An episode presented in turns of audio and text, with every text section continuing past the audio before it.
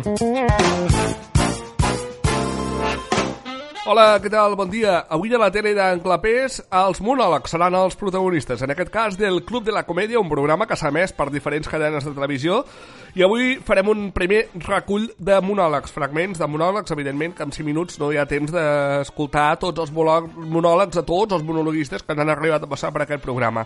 Per això avui, en aquesta primera part, hem seleccionat de Luis Piedraíta, que és un, fi, un, un ídol per mi, la Eva H, l'Alexandra Jiménez i també el Keke, eh? quatre monòleg, monologuistes que m'agraden molt i que, per la primera part, fantàstics. Per tant, top 4 avui amb els monòlegs d'aquesta gent que tenen la premissa de que diuen alguna frase així graciosa i després la gent riu. És el que té. Llavors no riuen, dius, ostres, alguna cosa falla aquí, no? Però al principi la gent riu, no? I si no riu, surten riures de broma i tal, eh, d'aquests enllaunats. En principi són en directe. Està fet en un teatre, eh, en fi, eh, anem a començar amb, precisament amb el Luis Piedraíta. Abans, però, la sintonia del Club de la Comèdia. Home, evidentment. Posem-la millor, millor.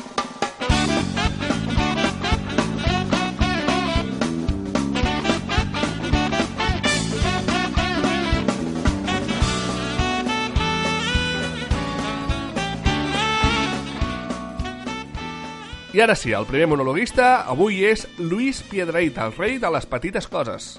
Buenas noches. La vida es un viaje que va de la cuna a la tumba, lleno de preguntas que estimulan y además turban nuestros cerebros. Preguntas como, ¿qué pasa si bebes veneno caducao? ¿Te mata más?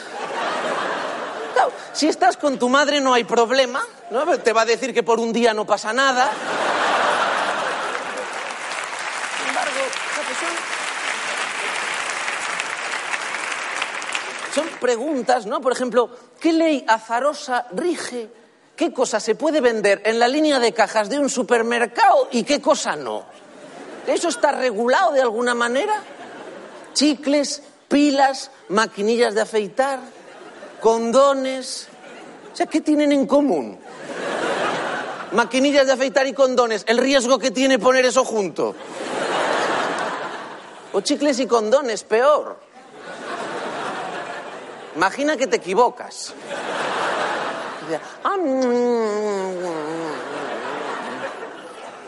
Dice, oye, ¿estos chicles de qué son? Dice, no sé, a mí también me suena el sabor, ¿eh?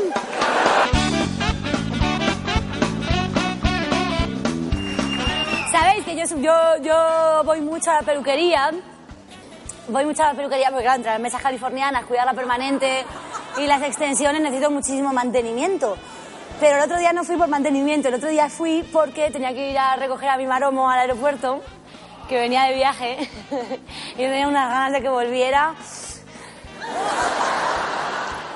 Así que nada, en cuanto lo vi ahí, di un beso de tornillo y alcayata, lo agarré, lo metí para el coche, lo llevé a casa, lo desnudé, tanino, tanino. Y cuando ya estábamos en el cigarrito este después, le digo, pero qué bien te ha sentado el viaje. Tigre. Y me dice, y me dice, y me dice, I'm sorry, pero no, yo no hablo español.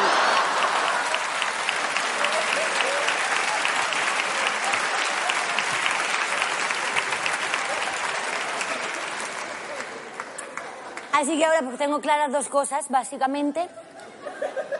Una, que necesito gafas.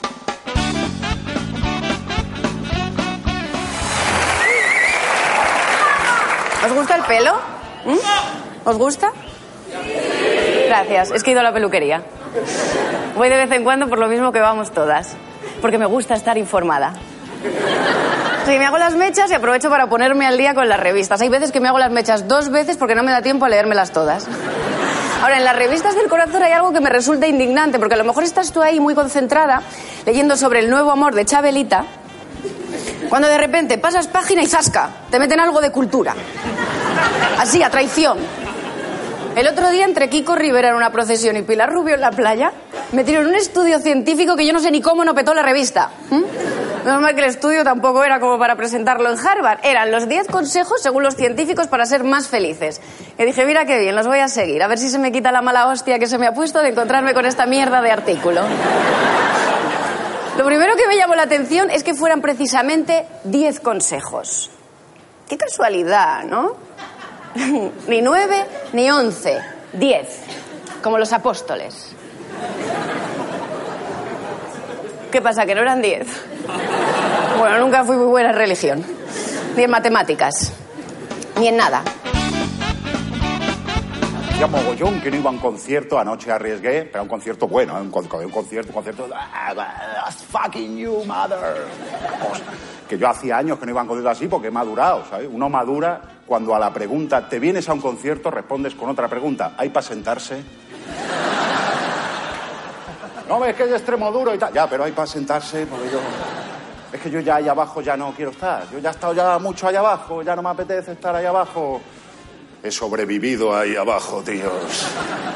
Eh, todos sabemos que en un concierto ahí abajo te juegas la vida. A lo mejor te pasan un cigarrito y no es tabaco. A lo mejor te pasan un litro de cerveza